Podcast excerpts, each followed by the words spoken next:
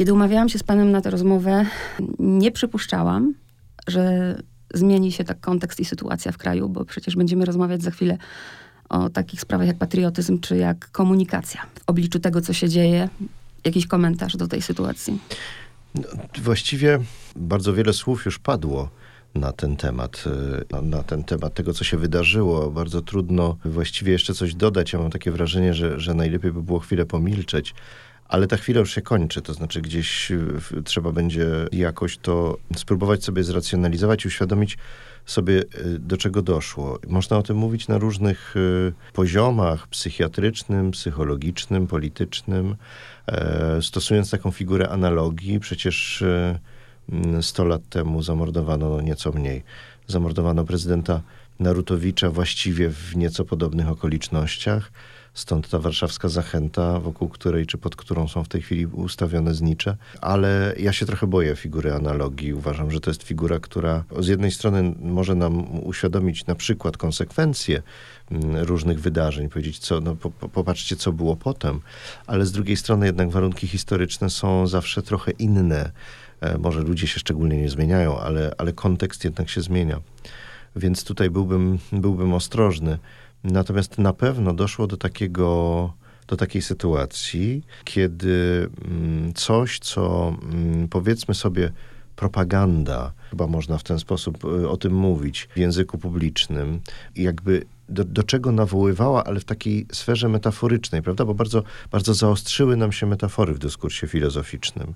Właściwie mówi się o, coraz częściej o takiej retoryce spalonej ziemi. Retoryka sporu politycznego, nie ma już charakteru sportowego, to nie jest rywalizacja o władzę, e, tylko ma charakter właściwie wojenny. Trzeba zniszczyć, anihilować przeciwnika, to już jest wróg, to jest zdrajca. I te wszystkie no właściwie, jak rozumiem, metaforyczne frazy, że ktoś jest na przykład rakiem na demokracji, prawda, który no, rak trzeba usunąć. Ktoś zrozumiał dosłownie, czyli mm, doszło do takiego przejścia od e, metafory do dosłowności, od przenośni do dosłowności. No ale z drugiej strony czego się e, spodziewać? To jest tak, że zdaje się, że tylko część nas rozumie niedosłowność, rozumie figuratywność, rozumie metaforyczność. Wie, większość ludzi jednak traktuje komunikaty w sposób, w sposób dosłowny. I tłumaczenie teraz, że ten człowiek był chory psychicznie, nie jest żadnym tłumaczeniem, bo jeżeli jemu się sączy i on ciągle widzi na przykład napisy śmierć wrogom ojczyzny, no to śmierć to śmierć, prawda? Więc doszło rzeczywiście do takiego przekroczenia granic języka. Ten język nienawiści, język nawoływania do, e, czy gruźb jakichś tam, po prostu został, został przekroczony i groźby zostały zrealizowane. Jeśli się nie dogadamy, w ogóle ludzie, to mhm. strach się bać. No tak, bo mówimy o, cały czas o, o, o dogadywaniu się i leży przed nami książka, która ma tytuł poniekąd optymistyczny i ten tytuł w tej chwili czyli jak się dogadać. Tytuł w tej chwili brzmi, e, znaczy właściwie e, e, trochę tak, że można było powiedzieć, nie da się dogadać. Można było odpowiedzieć na, to, na ten tytuł tak jak na pytanie. Ale ja ciągle jednak wierzę w, w to, że, że jakoś się uda, uda dogadać, tylko że nie uda się w momencie, kiedy będziemy żyć w, takim, w takiej retoryce różnicy rozumianej przez powiedzmy właścicieli o, czy, czy wykonawców dyskursu publicznego współczesnego jako różnica zero-jedynkowa, jako różnica czarno-biała, jako różnica e, dobrych i złych, prawda, tych naszych i nie naszych. E, jeżeli to będzie retoryka wykluczenia, bo wtedy nie ma, nie ma szansy się dogadać. Wtedy można wyłącznie mm, komunikować coś. No to, to tu, się, tu się kończy retoryka jako taka, tu się e, zaczyna jakiś rodzaj takiego językowego totalitaryzmu. E, który przecież znamy, który przecież pamiętamy my starcy.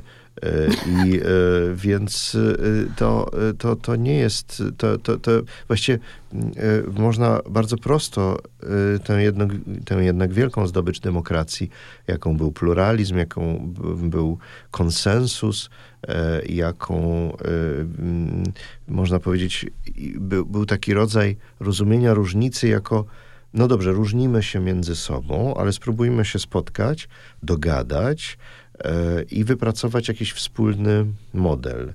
Mm, no a jeżeli myślimy w kategoriach, różnimy się od siebie w ten sposób, że ja mam rację, a ty nie, no to niestety się, się nie dogadamy. Tak myślałam, że właśnie nie będziemy w oderwaniu rozmawiać. Tu się pewnie pan zdziwi, ale zacznę od tego, panie Michale.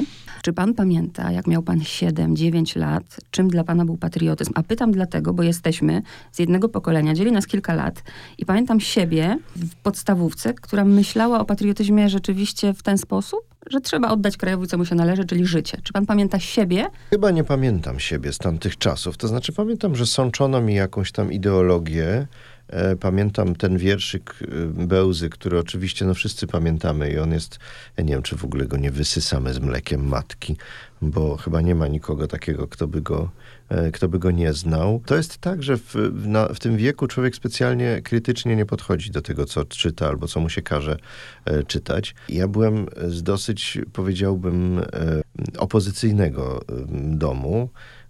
Więc nawet jak dostałem, dostałem, pamiętam taką encyklopedię, być może pani też ją miała, Polska, nasza ojczyzna. To była taka encyklopedia, encyklopedia dla dzieci, pokazująca jak cudowny jest PRL, jak wspaniale się w nim żyje. Takie przekolorowane ilustracje, y, uśmiechnięte dzieci i dorośli i w ogóle. Więc pamiętam, że mój tata oczywiście, y, jak ja już nie pamiętam od kogo dostałem, na pewno nie od rodziców, to najpierw mi powiedział, jak ja mam czytać tę encyklopedię, jak, jak mam do niej podchodzić. Także od razu patrzyłem na nią nieco, nieco z ukosa. Ale pyta pani o patriotyzm. Rzeczywiście chyba to było takie słowo, które, ja nie wiem, czy to jest zasługa PRL-u, czy też takiego modelu romantycznego XIX-wiecznego, ale patriotyzm od razu łączy się z czynem zbrojnym, z aktem przelania krwi rzeczywiście. Natomiast na pewno mm, te czasy, mm, w których ja byłem dzieckiem, nie były mm, takimi czasami, w których myślało się w kategoriach obywatelskich. Przynajmniej na poziomie dziecka, bo oczywiście te opozycyjne struktury miały taki charakter i miały też wzbudzić jakąś taką odpowiedzialność właśnie o charakterze obywatelskim, ale na pewno nie, jeszcze nie w dzieciach. Dlaczego ja o to pytam? Dlatego, że mam wrażenie, że się w polskiej szkole niewiele zmieniło, ale też nie winię nauczycieli, bo dysponują tym, czym dysponują. Mhm. I pytam też od razu, czy ta książka by powstała, gdyby nie stulecie odzyskania niepodległości, gdyby nie to zamówienie? Mm, być może by powstała. Ja zastanawiałem się nad tym, co by było, gdyby były inne warunki polityczne w tej chwili w Polsce. To znaczy, czy bym ją napisał tak, czy bym ją napisał inaczej. Mm, ale, ale, ale raczej, raczej, bo powstała, ona się wzięła trochę z takiej e, anegdoty. Nie powiem teraz, że już ją wielokrotnie powtarzałem. Stąd, że ja w czasie jakiegoś spotkania autorskiego z dziećmi, a tu muszę powiedzieć, że moje dzieci to już są dzieci dorosłe, bo nastoletnie, w sensie 16-19 lat mają, więc już nie są, mm, za przeproszeniem, targetem tego typu wierszyków, więc wykorzystuję spotkania autorskie do zadawania trudnych pytań, ale takich właśnie dzie dzieciom do dzieci skierowanych i e, zapytałem, kim jest patriota. Mm, właściwie no, chyba to były starszaki, a może pierwsza klasa, czy też tak zwana zerówka. E, dzieci powiedziały, że patriota to jest ktoś, kto poległ, kto zginął. No więc zadałem pytanie, kto z was chce zostać, chce być patriotą. I oczywiście większość wrzasnęła, nie, nikt, nie, ja nie. No, co jest naturalne. I, I, teraz zacząłem się zastanawiać, e, jak do tego podejść. Znalazłem taką wypowiedź Adama Hanuszkiewicza, E, w której on mówi, że właściwie w czasach pokoju, w czasach stabilizacji, demokracji i tak dalej, mm, właściwie powinno się jego zdaniem mm, odrzucić pojęcie mm, patriotyzmu i zastąpić obywatelskością. Że patriotyzm to jest taka szabla, którą się wyjmuje e, z pochwy wtedy, kiedy jest, kiedy trzeba o coś się bić.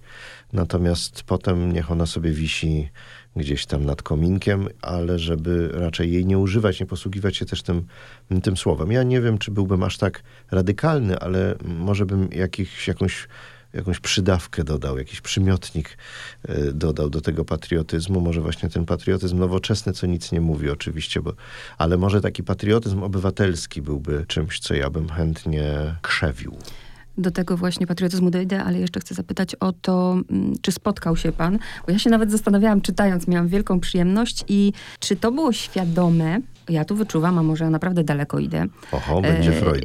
Ironię. I myślę sobie, pisze pan o Polsce bez granic, wiadomo jak jest. Pisze pan o Polaku, którym jest obywatelem świata, jest Europejczykiem, wiadomo jak jest.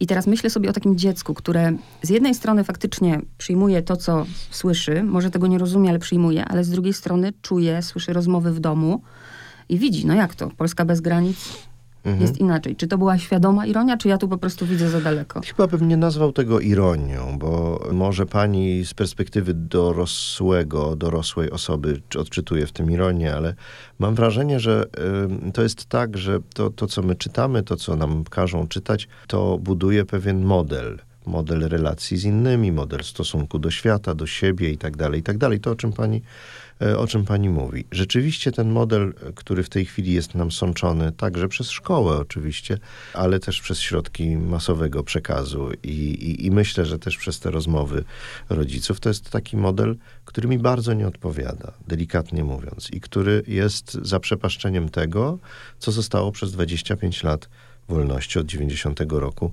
mm, jakoś tam no, mozolnie budowane. E, I to z czego ja nie ukrywam, że byłem dumny, coraz bardziej nawet. Mm, przy całym krytycyzmie także, bo, bo to z jednej strony to duma nigdy nie jest bezkrytyczna, to znaczy to, to też jest, jest, można powiedzieć, taka materia, którą, mm, którą, o której można dyskutować. Natomiast to, co się teraz dzieje, bardzo mi nie odpowiada, więc to jest raczej taka kontrpropozycja, inny model do wyboru Zobaczcie, można inaczej. Muszę powiedzieć, że nie, nie lubię o tym mówić, ale y, muszę powiedzieć, że jednym, jedną z nowych obelg, która teraz funkcjonuje y, w, szko w szkołach, to jest obelga uchodźca, ty uchodźco. I to jest coś, co mnie bardzo boli. I to jest coś, co mi, co mi bardzo przeszkadza i za co winię rządzących. Nie, nie, nie ukrywam, to nie ma, nie ma o czym mówić. I Kościół bo to są te, dwa, te dwie tuby, które sączą w nas przekonanie, że uchodźca to jest ten uzbrojony po zęby terrorysta, a jakoś nie, nie że to jest ten, e, którego przecież e, symbolem może być Chrystus i Maryja i Józef uciekający, prawda? No, jakoś zdumiewające. No ale, ale rzeczywiście tak jest. Ale abstrahując od, od, od, od tego, tego modelu, ja, to nie jest tak, że ta moja książka ma wyprzeć tamten model. Po prostu ma być propozycją dla nauczyciela, pedagoga, dla rodzica, e, żeby może na przykład, e, że, że można też tak mówić o, o Polsce, o granicach, o Europie, o otwartości mm, i że patriotyzm to niekoniecznie akt poświęcenia życia, ale też, że ten patriotyzm dostępny dla dziecka, to jest patriotyzm składający się z takich prostych czynności, od sprzątania po własnym psie, nieśmiecenia na e, ulicach, niezaśmiecania języka, pomocy innym słabszym, mm, myśleniu o takim dobru wspólnym jako pewnej e, wartości, że to jest coś, e, coś co, o czym trzeba po prostu przypomnieć już.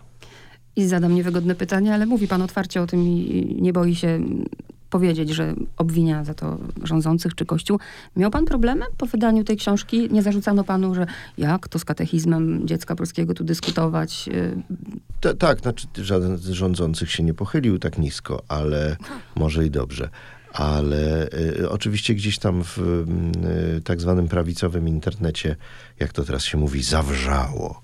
E, przez chwilę i zarzucono mi różne, różne rzeczy, ale wydaje mi się, że z tych wszystkich zarzutów warto jeden tylko wyłowić, tak naprawdę.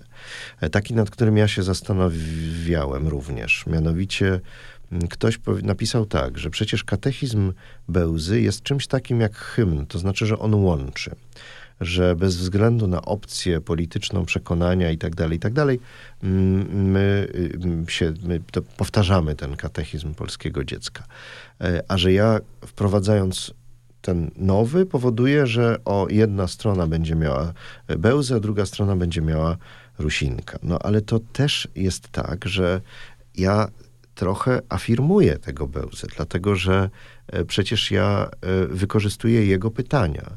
Tylko i cały czas to powtarzam w, we wszystkich możliwych wywiadach, że mm, ja mm, mam takie poczucie, że gdyby Beł zapisał e, ten katechizm dzisiaj, to napisałby go zupełnie inaczej, bo zmieniły się warunki historyczne. Między innymi no, nie jesteśmy pod zaborami na szczęście. Nas jeszcze więc, dawno na świecie, nawet nie byliśmy w planach, kiedy był zaczął otóż, otóż to, więc, więc tak naprawdę myślę, że, że, że także i z tym zarzutem bym sobie e, poradził, o innych lepiej nie e, wspominać. To, co mnie też ujęło akurat, muszę to znaleźć. To jest chyba na końcu. Ja lubię, jak w radiu tak się szeleści. Ach, gdzie to było? To najpiękniejsze zdanie w tej książce dla Ojej. mnie. Muszę je znaleźć, muszę je znaleźć. Najpiękniejszy fragment dla mnie. Polska żyje sobie w nas. Mhm. A to ciekawe, że pani to o tym wspomina.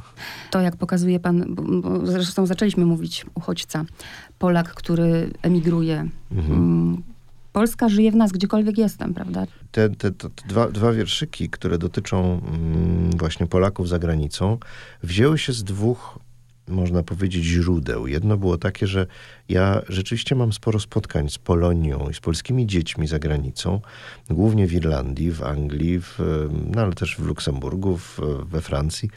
Mm, I to są wspaniałe dzieci, to są wspaniali ludzie. E, natomiast z tego wierszyka Bełzy wynika, że oni są jacyś gorsi, bo oni nie mieszkają w Polsce.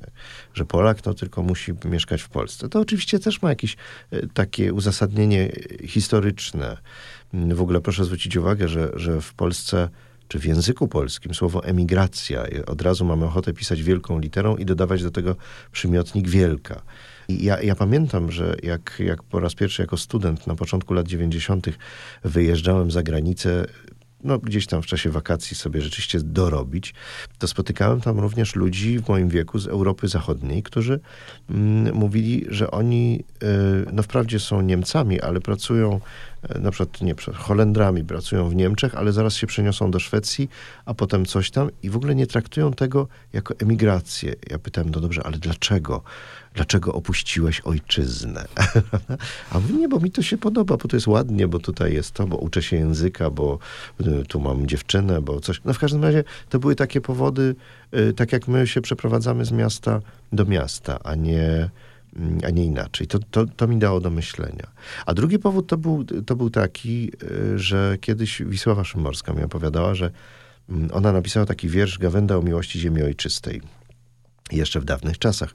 Ten wiersz był przedrukowywany wielokrotnie w podręcznikach, funkcjonował w ten sposób. Jak go czytamy e, dzisiaj, to to widzimy, że tam jest też taki element wykluczenia, że właściwie prawdziwy Polak to jest ten, który który mieszka w Polsce, który nie decyduje się na jakiś krok y, taki emigracyjny. I ona sama mi powiedziała, że w pewnym momencie mm, zaprzestała y, udzielać zgody na, y, na przedruki tego wiersza, bo w czasie jakiegoś spotkania za granicą podszedł ktoś do niej, Polak mieszkający tam, i powiedział, że ten wiersz jakoś zrobił mu krzywdę, bo poczuł się on, przeczytawszy ten wiersz, mm, wykluczony i, i miałem, miałem też tę historię e, przed oczami, czy też w uszach. Na koniec rozmowy o tej książce poproszę jako właśnie takie podsumowanie o przeczytanie. Dobrze. Ostatniego. My powinniśmy mieć w zwyczaju kasować bilety w tramwaju, dawać resztki jedzenia bezdomnym dachowcom, kibicować naszym sportowcom, stawać w obronie słabszych dzieci, na ulicy nie śmiecić, uczyć się obcych języków, czytać książek bez liku, nie marnować bez sensu wody – odbywać różne podróże i mieć przygody, pomagać koleżankom i kolegom, nie uważać się za kogoś lepszego, umieć słuchać, a nie tylko gadać, w razie czego przeprosić sąsiada, nie wyżywać się na mrówkach, nie ściągać na krasówkach, w zimie karmić ptaki, nie używać słów byle jakich i sprzątać po swoim psie. Ale to się przecież wie.